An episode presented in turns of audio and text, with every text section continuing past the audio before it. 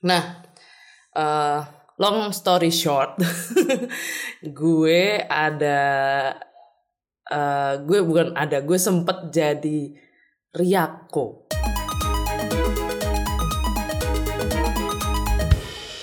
Balik lagi di podcast Gen Z versus Everybody.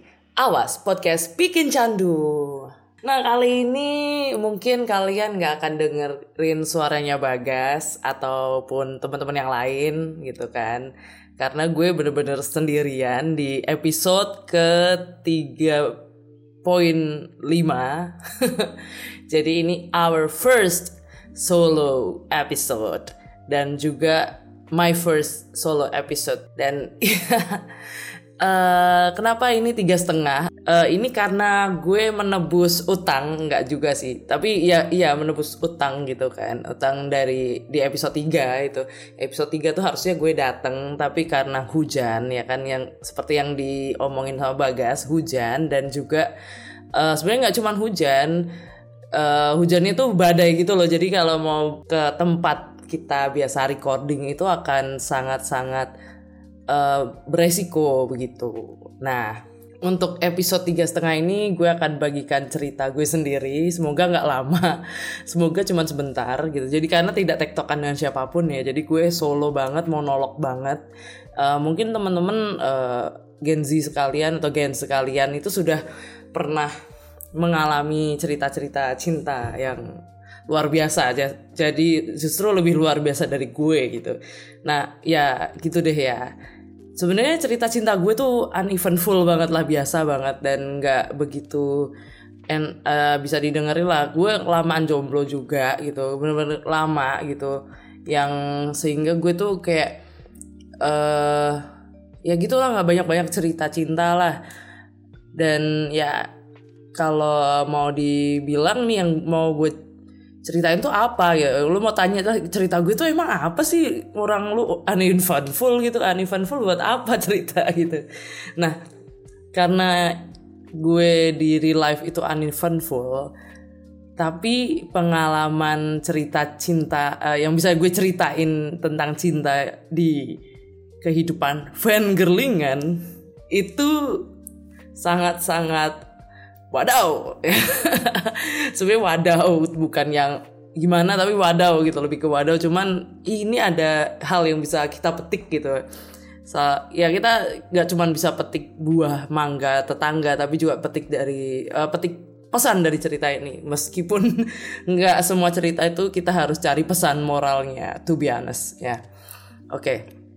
uh, eh, jadi itu gue itu uh, besar dengan hidup berfangirlingan gitu. Mulai dari zaman SD itu fangirlnya Peter Pan Kerispati Ungu ya kayak gitu gitulah dan tapi gue dulu uh, sempet punya kontakan lah itu sama fandomnya Kerispati itu Mahapati kayak gitu gitu nah ya itulah um, mulai dari situ terus gue tuh kayak kebiasaan gitu loh untuk kalau suka sama band suka sama musisi ataupun artis ataupun idol itu uh, masuk ke fandomnya gitu. Kebiasaan itu akhirnya masuk terus berjalan uh, sampai akhirnya di uh, jenjang perkuliahan gue masuk ke fandomnya Jepangan gitu. Jepangan tuh juga ada idol gitu.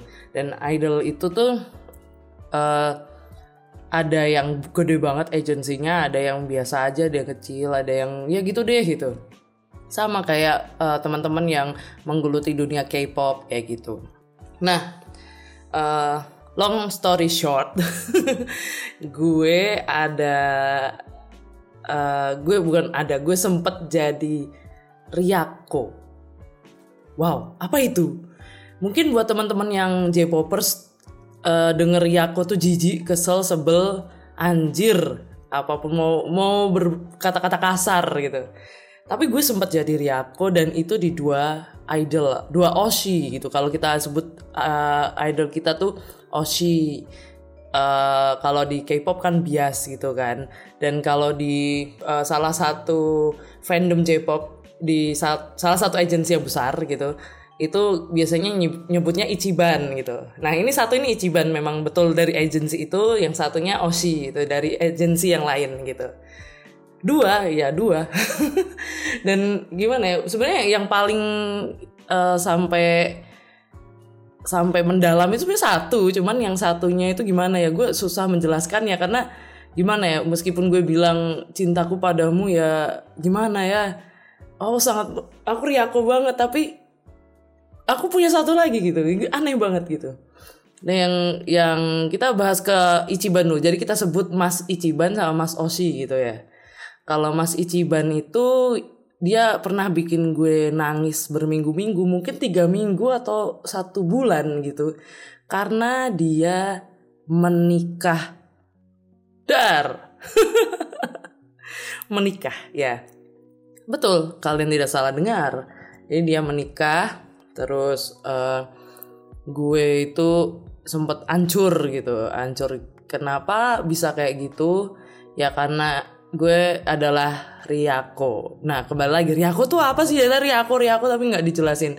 Nah Riako itu adalah real koi atau Riaru koi gitu kalau bahasa Jepangnya Riaru koi. Riaru tuh real gitu.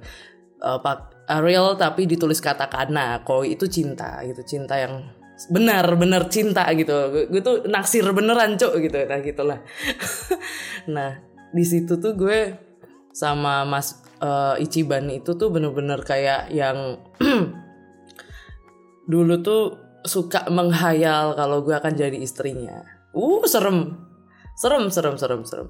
Dan seremnya lagi tuh nggak dia itu waktu itu dulu nggak punya akun sosmed ya karena di agensinya dia itu tidak boleh punya sosmed waktu itu hingga pada akhirnya uh, akhir-akhir ini semua pada bikin gitu, mulai pada bikin gitu.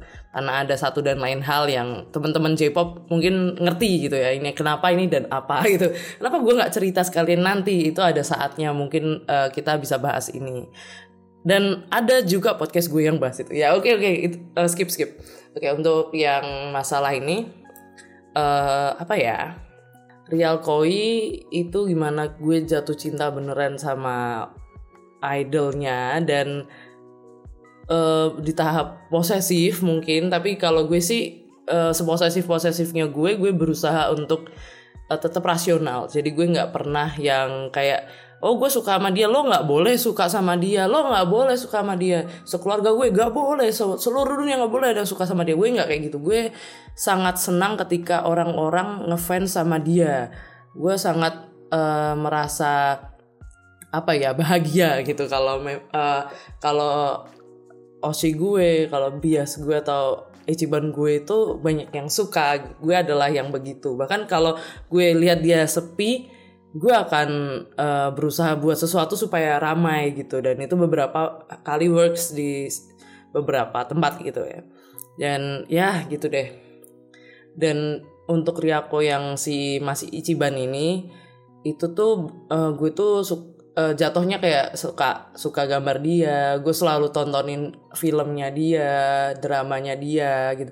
Uh, uh, untuk apa ya namanya ya bocoran aja dia nih adalah idol yang gak nyanyi. Eh, nyanyi sih cuman tapi dia bukan yang kayak punya grup gitu loh. Tapi dia bukan penyanyi solo juga. Jadi dia nyanyi itu cuman kalau lagi di apa butai. Butai itu bahasa Indonesianya apa? Teater. Ya kayak teater itu kan ada yang musikal kayak gitu. Dan dia baru nyanyi di situ.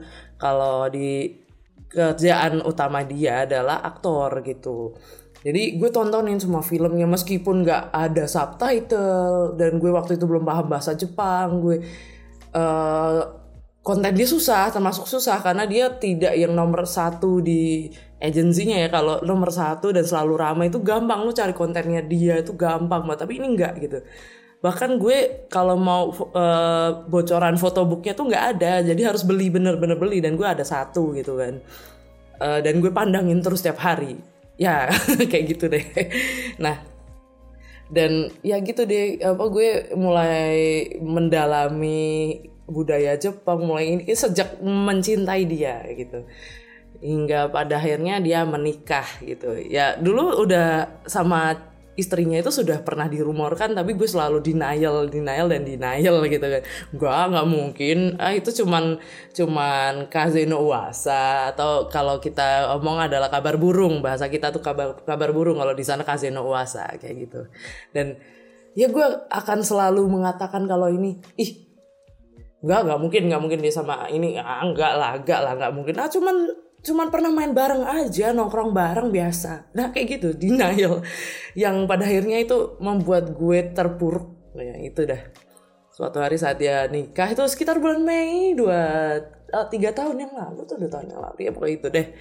Uh, dia nikah bener gue itu terpuruk. Kalau bangun tidur sedih mau tidur sedih kayak sedih sedih sedih lah gitu.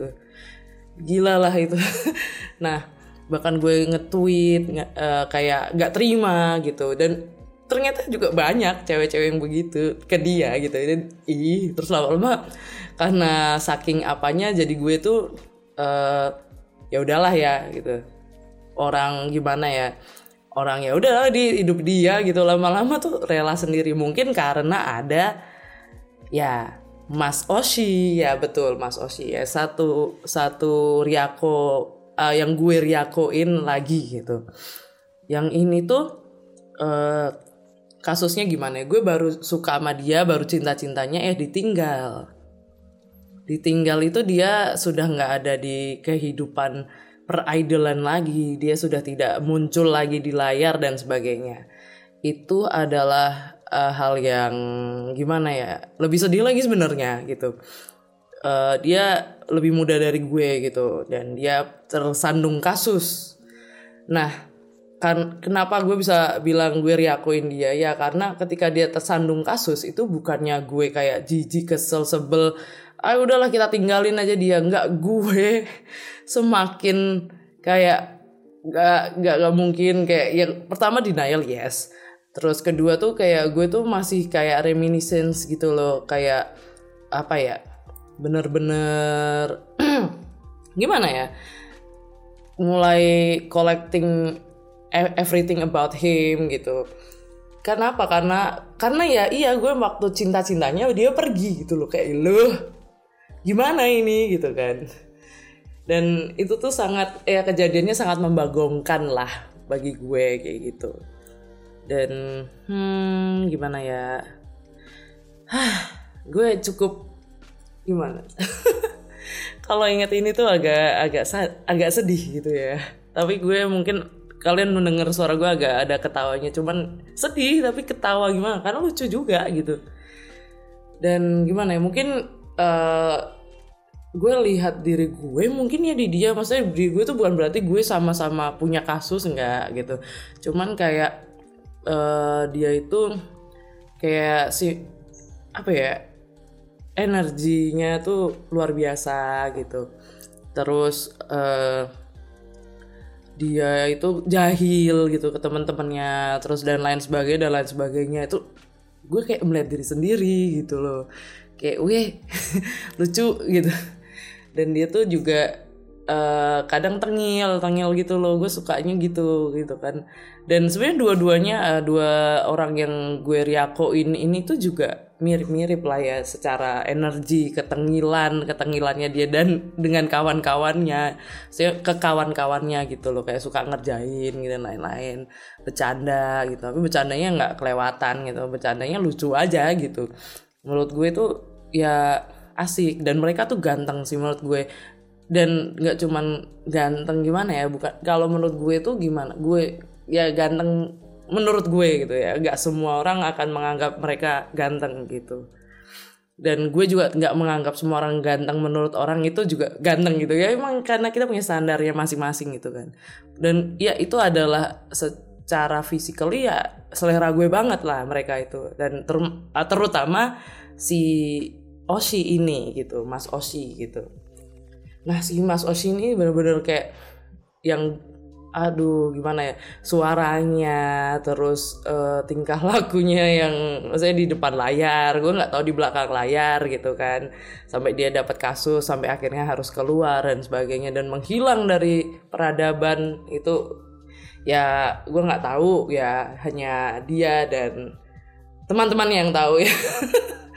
Nah kalau gue tuh lihat yang di selama ini jadi personal branding dia itu aduh gue banget nih gitu. Dan kayaknya asik gitu. Dan ketika dia menghilang tuh kayak anjir kayak sayang banget gitu. Dan kayak merasa ditinggal sendirian makanya gue kayak menciptakan karakter dia tuh masih hidup gitu. Gue gambar dia even sampai yang 3D style bukan 3D style yang 3D gimana ya uh, realistically gitu realistically. Jadi kayak oh dia masih ada di sekitar teman-temannya dan lain-lain gitu. Padahal sebenarnya maksudnya teman-teman di grupnya gitu dia punya grup dan grup ini sebenarnya sudah tidak idol lagi gitu. Kalau dulu masih idol sekarang sudah tidak. Jadi mereka keluar dari per idolan jadi benar-benar anak band kayak gitu. Dan itu yang gue pengen dia tuh benar-benar jadi anak band. Dia dia tuh uh, pegang musik bass ya di bandnya itu. Dan suaranya tuh ngebas. Jadi dia tuh kayak dia adalah bass itu sendiri gitu loh. Jadi menarik lah buat gue gitu. Dan gue memang rata-rata kalau di band tuh lebih tertarik sama bassist daripada vokalis. Tapi ada juga yang memang vokalis. Tergantung sih tergantung dari uh, stylenya juga style orangnya dan juga cara mainnya. Dan gue kebetulan uh, memang gue ini tertarik sama dia itu secara style orang dan juga mainnya gitu. Karena mainnya bener-bener energi gitu loh nggak nggak kayak basis yang basis yang cuman dia terus betot-betot aja nggak. Dia dia nah dia juga nari joget uh, dance gitu. Dia dancer dance dia ngedance sampai main bass tuh juga oke okay, dan dia ngedance sendiri tuh oke okay banget karena dia itu di grupnya ketika grup itu masih idol dan dia masih ada di situ dia tuh dance leader gitu loh. Memang dance-nya keren gitu loh. Jadi gue tertarik dan gue sangat uh, apa ya gue sangat terpukau oleh apa yang dia tampilkan gitu. Karena gue juga dulu suka ngedance gitu meskipun sekarang udah males gitu. Aduh dulu dulu gue adalah dancer. Nggak juga sih kayak pengen jadi dancer gitu. Dan ya begitulah gue lihat dia tuh sangat menarik gitu. Dan dia fitur mukanya itu bule gitu. Lah termasuk Mas uh, Mas Ichiban itu juga fitur mukanya tuh kayak bule gitu. Jadi kayak ya mungkin karena gue secara J-pop itu dulu masuknya itu ke dari aliran barat. Jadi kayak kayak dari um, orang Amerika eh, bukan orang Amerika. Tapi maksudnya uh, band Amerika berkolaborasi dengan Jepang. Lalu gue mulai tertarik tertarik tertarik dan gue masuk ke fandom itu. Jadi gue masih kayak selera gue itu sebenarnya masih di barat gitu kan. Dan ya dua orang ini punya fitur wajah yang oh uh, cukup bule juga. Padahal ya kata kata mereka mereka itu pure blood Japanese. Tapi ya nggak tahu juga ya. Dan hah gue tuh bener-bener kayak pernah berantem gitu loh. Pernah berantem sama fans lain yang memang merasa dia ini harusnya udahlah lo nggak usah dibahas lagi lah. Gitu lo nggak usah bahas bahas dia lagi lah gitu. Karena dia ini nggak pantas buat dibahas kayak gitu gitu gue berantem sampai begini bagaimana terus gue kan kayak bikin account uh, sosmed yang khusus untuk fangirlingan juga. Gue maunya ya lu yang follow gue ya yang uh, suka aja sama konten gue jangan semuanya gitu kan. Jangan lo sembarangan asal follow. Kalau lo nggak suka jangan follow kayak gitu loh. Karena ya gitu gue gue nggak memaksa orang untuk uh, tetap suka sama dia atau bagaimana gue nggak memaksa terserah orang mau kayak gimana. Cuman uh, gue nggak mau lihat aja ketika gue uh, post sesuatu tentang dia malah dikata katain gitu. Dan gue pernah dikata-katain dan Uh itu gila gue sampai gak bisa kerja. Untung waktu itu gue WFH kalau gue nggak WFH aduh mampus gitu waktu itu WFH dan gue ribut sama orang karena dia gitu kan karena membahas dia ini ya mas gue masih into him tapi orang-orang tuh udah ayo udahlah jijik banget lah gitu kayak gitu gitu dan bahkan itu marah uh, ributnya tuh bukan sama orang Indonesia atau Jepang ya tapi uh, fans internasional yang lain gitu. Dan wow itu uh, susah untuk dilupakan gitu dan itu sangat sebel gitu. Dan apalagi ya gue cukup menghabiskan banyak kocek untuk membeli barang-barang yang berhubungan dan berkaitan dengan uh, Mas Oshi ini gitu. Termasuk tas kerja gue itu juga gue beli karena uh, di boxnya itu ada foto dia. Itu dia. Itu tuh cukup gimana ya itu ada Star Wars gitu kan. Star Wars tapi featuring dia gitu sama si Mas Oshi ini nah gue tuh bukan penikmat Star Wars to be honest. Gue pernah nonton sekali dua kali tapi bukan yang uh, fans banget sampai semuanya gue hafal. Gue nonton cuman gue tonton aja gitu. Nah sampai orang-orang lu Star Wars ya? Kamu tahu ini nggak? Kamu tahu itu nggak? Nggak tahu. Karena aku beli tas Star Wars ini ya karena Oshiku ada di boxnya. Itu dia. Kayak ya ampun gitu kan dan macam-macam uh, aku gue sampai apa ya namanya uh, koleksi nama sashin kalau teman-teman K-pop mungkin sebutnya uh, photocard gitu kalau di J-pop itu nama Sashin atau kalau di salah satu agency itu namanya aduh gue lupa lagi. Eh photocard tuh lebih kayak trading card sih ya. Kalau di di J-pop mungkin lebih ke postcard gitu ya. Uh, terus apa ya gue juga mulai waktu itu gue beli-beli album yang lama album album band itu yang lama. Dulu waktu gue mulai masuk ke fandom itu gue nggak punya duit. Ya kayak termasuk uh, mas uh, Ichiban itu juga gue nggak punya duit waktu itu. Jadi cuman bisa beli satu satu gitu kan. Nah waktu tahun lalu nih gue cukup berduit uh, dua tahun lalu gitu. Jadi setiap bulan tuh ada aja yang gue beli ya terutama barang-barang lama kayak gitu yang masih ada si Mas Oshi gitu kan. Sampai orang-orang tuh kayak ih ngapain sih? gitu kan. Ya ya nggak apa-apa gitu kan. Lagian lu juga nggak bisa bahasa Jepang banget gitu. Beli apa tuh namanya fotobook fotobook itu ada interviewnya gitu dan gue berusaha untuk membaca gitu kan. Bahkan gue juga bacain line blognya mereka. Maksudnya uh, ya blog-blognya mereka gue baca terus gue translate gitu pelan-pelan buat bacain satu-satu. Terus uh, cari satu istilah satu istilah. Kadang capek pakai Google Translate terus dicek lagi satu istilah satu istilah. Terus gue uh, ketik ini apa namanya translate-nya dan sebagainya dan sebagainya. Orang pasti kayak ngapain? gitu. Lagi-lagi lu ngapain? Lu cari cowok sana cari pacar. Enggak ini dia pacar gue. Gitu ya kayak gimana ya? Um, jadi kayak hal yang lucu gitu. Mungkin uh, ketika uh, gens yang kenal sama gue paham kenapa seorang Lisa belum pacaran bener-bener itu kenapa ya ini. Agak susah untuk move on dari uh, idol idol ini dan dari Riako ini. Meskipun sekarang sebenarnya gue uh, cukup bisa dibilang move on ya karena uh, kerjaan karena hal-hal yang meski gue mesti gue kejar secara nyata gitu selain uh, selain pasangan ya. Uh, macem-macem gitu. Nah apalagi? Banyak banget ternyata. Gue kira akan cuma 10 menit gitu ya. Ternyata ini cukup panjang. Ya apalagi ya? Gue waktu itu sampai oh ini ya gue cari-cari kaset eh, kaset lagi DVD film DVD filmnya Mas Oshi. Mas Oshi ini cuman main film tuh satu dua kali lah gitu. Dan yang satu kali tuh yang cukup banyak dia keluar. Nah itu susah banget cari filmnya. Sampai akhirnya gue beli CD-nya juga. Ya DVD-nya DVD-nya ya ampun.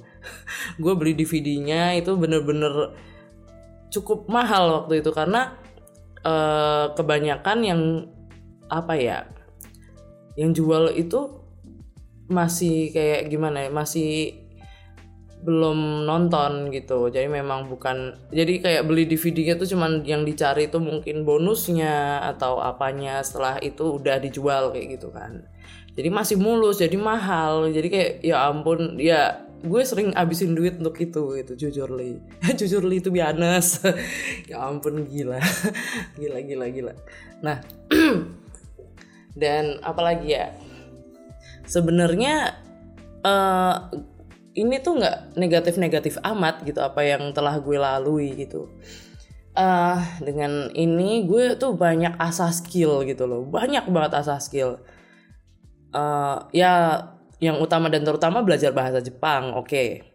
karena gue juga menonton apa sih wawancaranya mereka terus menonton apa lagi nontonin wawancara nontonin variety show apa pun itu sampai uh, film yang gak ada subtitlenya berusaha translate berusaha bikin subtitle pendek-pendek dan lain sebagainya dan lain sebagainya. Terus uh, apa ya yang paling optimal lagi ya belajar ngehack sih jadi hacker ala ala loh kenapa? Ya karena banyak dari konten mereka itu yang susah untuk diakses susah untuk dibeli bahkan. Susah untuk dibeli. Kita mau beli aja harus uh, punya alamat Jepang dan lain sebagainya. Bahkan gue harus nitip nitip nitip gitu kan.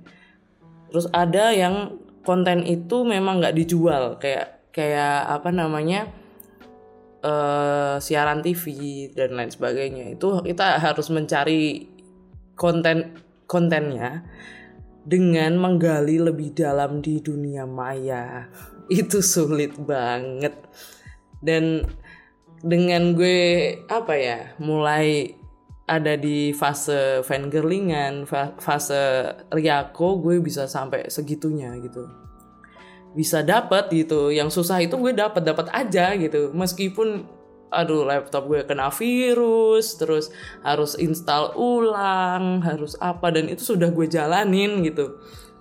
Tapi ya itulah. Dan install ulang pun gue lakukan sendiri jadi gue belajar programming. Ya udah keren banget.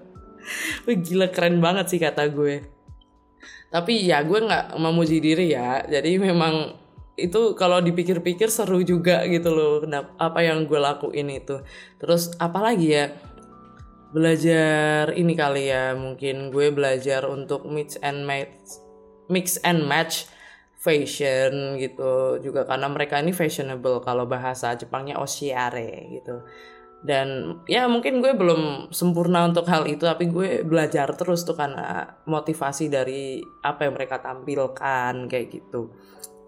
Terus apalagi ya? Hmm, mungkin ya mereka ini jadi standar uh, standar untuk gue dapetin pasangan gitu loh. Mungkin secara apa ya secara easy goingnya yang ya yang biasa ditampilkan aja ya. Mereka tuh kayak easy going gitu loh.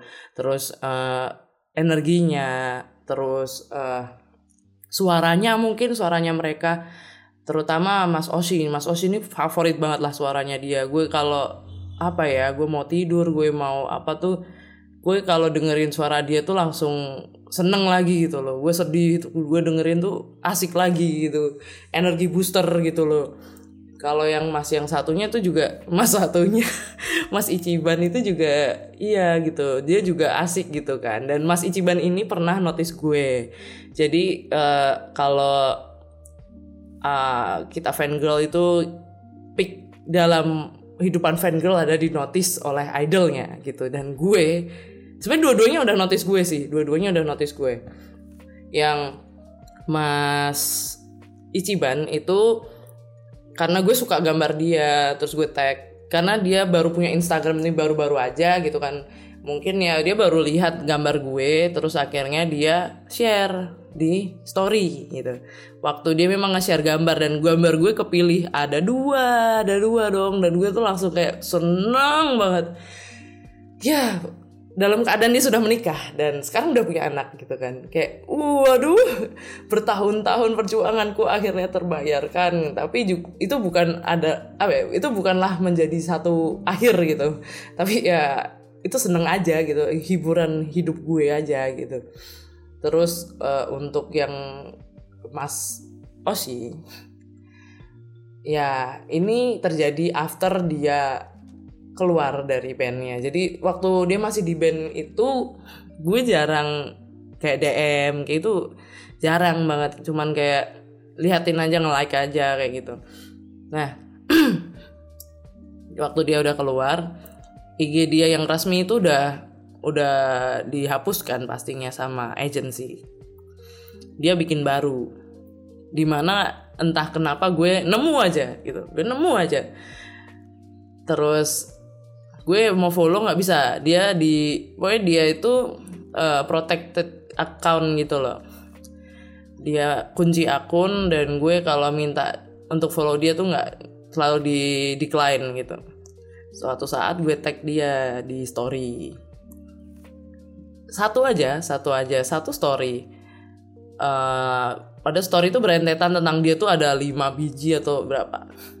Satu aja gue tag dia tonton itu story. Sampai belakang. Sampai belakang. Itu gue kayak hah? Nggak nyangka gitu. Dan pernah satu kali gue nggak ngetek itu dia nonton sendiri nggak ngerti. Dan uh, dia itu pernah nongol di YouTube-nya temennya di channel YouTube-nya temen yang bukan artis ya temen temennya dia temen nongkrong gitu loh atau teman sekolah gitu. Nah uh, dia ceritanya gabung juga di channel itu tapi satu video aja setelah itu nggak pernah tampil lagi. Nah temennya itu tuh pernah salah satu temennya yang di channel itu pernah ngepost foto sama dia terus akhirnya gue DM titip salam kayak gitu-gitu. Aduh ya ampun. How how how how gitu kan. Kayak why? Bukan how lagi bagaimana atau kenapa? Why? Gitu kan kenapa? Gue gue pada akhirnya uh, eh, DM temennya itu untuk ya titip salam ke Mas Osi.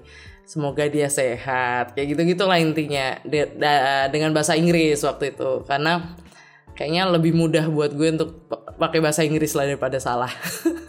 Nah terus ya udah gue tinggal aja. Gue kira nggak dia apa apa ini ya setahun kemudian gue buka gue iseng. DM itu gue buka dibaca dibaca. Waduh gue bingung waduh dibaca nih disampaikan nggak ya gitu kan. Ya ya nggak tahu deh bodoh amat juga pada akhirnya. Karena hidup terus berjalan dan harus terus berjalan guys. Dan ya inilah cerita gue. Emang aneh emang. Ngapain gue cerita ini ketika teman-teman cowok-cowok di episode 3 ceritain pasangannya, mantannya dan ya istrinya gitu kayak gue cerita idol gue gitu kayak apa sih? gitu. Tapi ya gimana ya kalau cerita tentang kehidupan percintaan gue tuh kayak biasa aja gitu buat apa gitu ngapain gitu. Kayak ya pada umumnya aja. Dan gue belum uh, merasakan apa ya yang bener-bener gimana gitu. Ya mungkin gue pernah bucin sama orang waktu sekolah gitu sampai goblok gitu kan sampai gue kasih apa pun yang uh, dia perlukan tapi kecuali diri gue gitu. Kayak gimana ya? Kayak barang gitu gue kasih barang gitu kan. Kayak oh dia ulang tahun gue kasih kado ya kayak gitu gitulah oh dia butuh apa sih? Oh dia dia sakit. Oke gue kasih obat kayak gitu gitu ya obat ya sakitnya paling kan masuk angin gitu apa zaman zaman sekolah gitu kan. Terus oh apa nih? Gitu. Ya paling gitu-gitu sih. Dan uneventful banget lah gue. Jadi kayak mending lebih boring gak sih gitu. Tapi yang nggak tahu juga sih cerita idol ini akankah menjadi uh, cerita yang boring atau cerita yang menarik buat kalian? Ya hanya kalian yang tahu gitu kan. Gue cuman mau sharing aja gitu. Dan pengalaman ini sekali lagi nggak semuanya negatif gitu.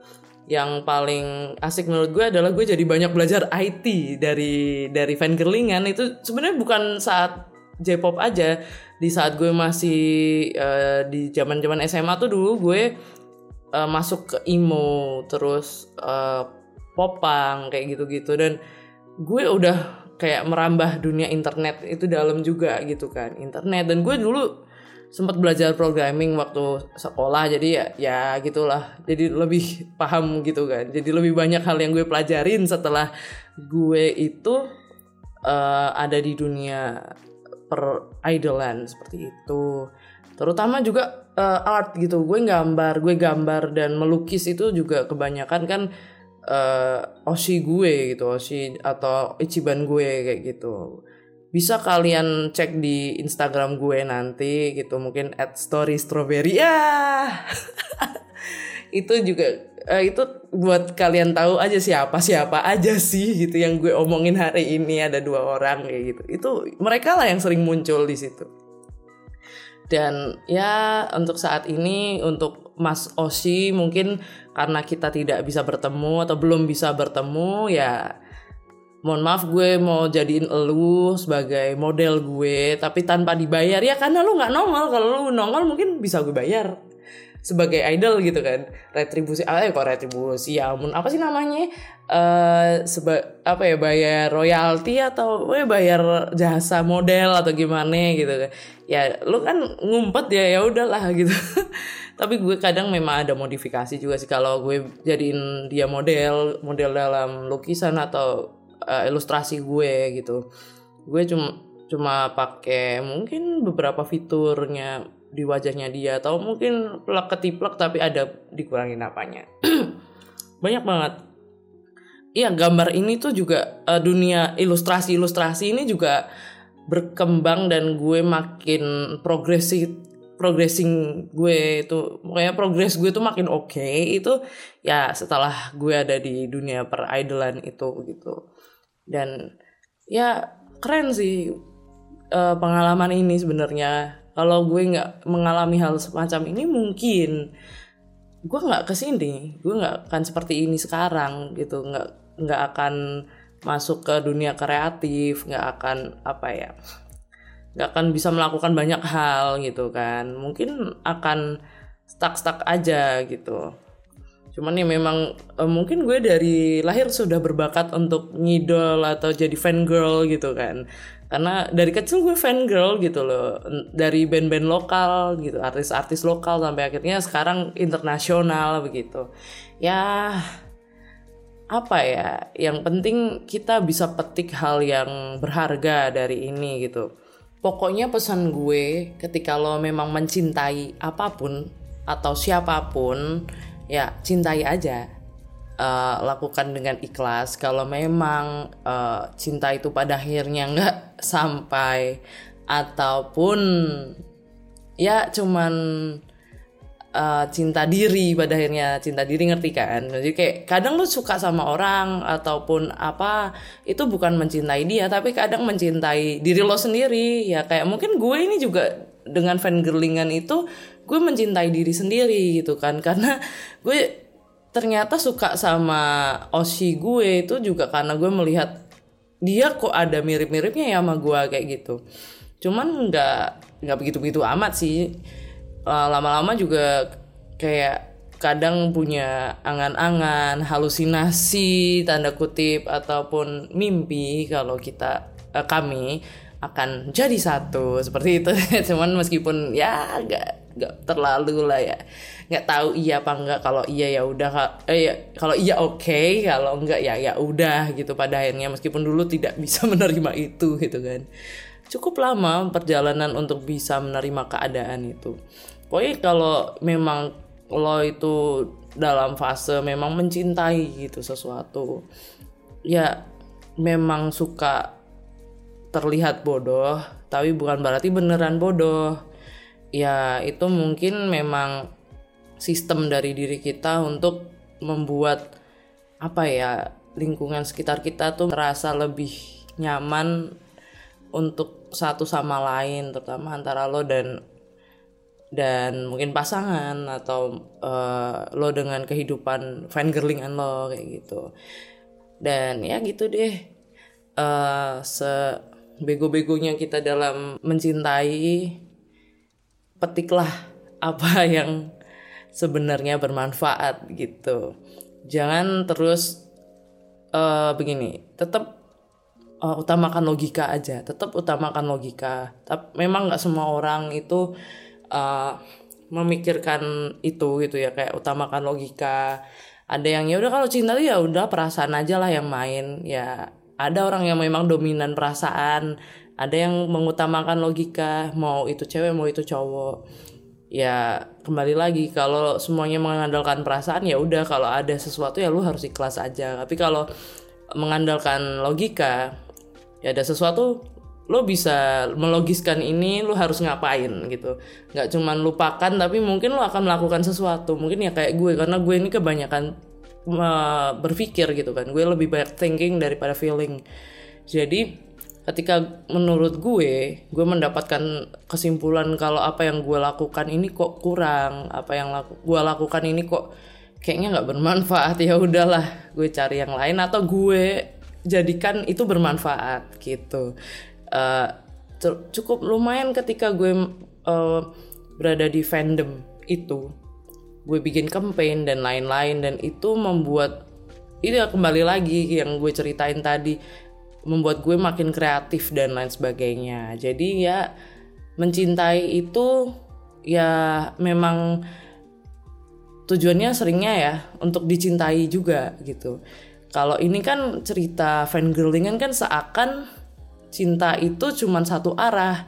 Sebenarnya ya menurut gue nggak juga gitu karena kalau lo bisa mengambil apa ya mengambil kesempatan di sela-sela lo mencintai idol lo lo mencintai Oshi lo Ichiban lo atau bias lo ya di sela-sela itu lo bisa jadikan itu sesuatu hal yang bermanfaat gitu.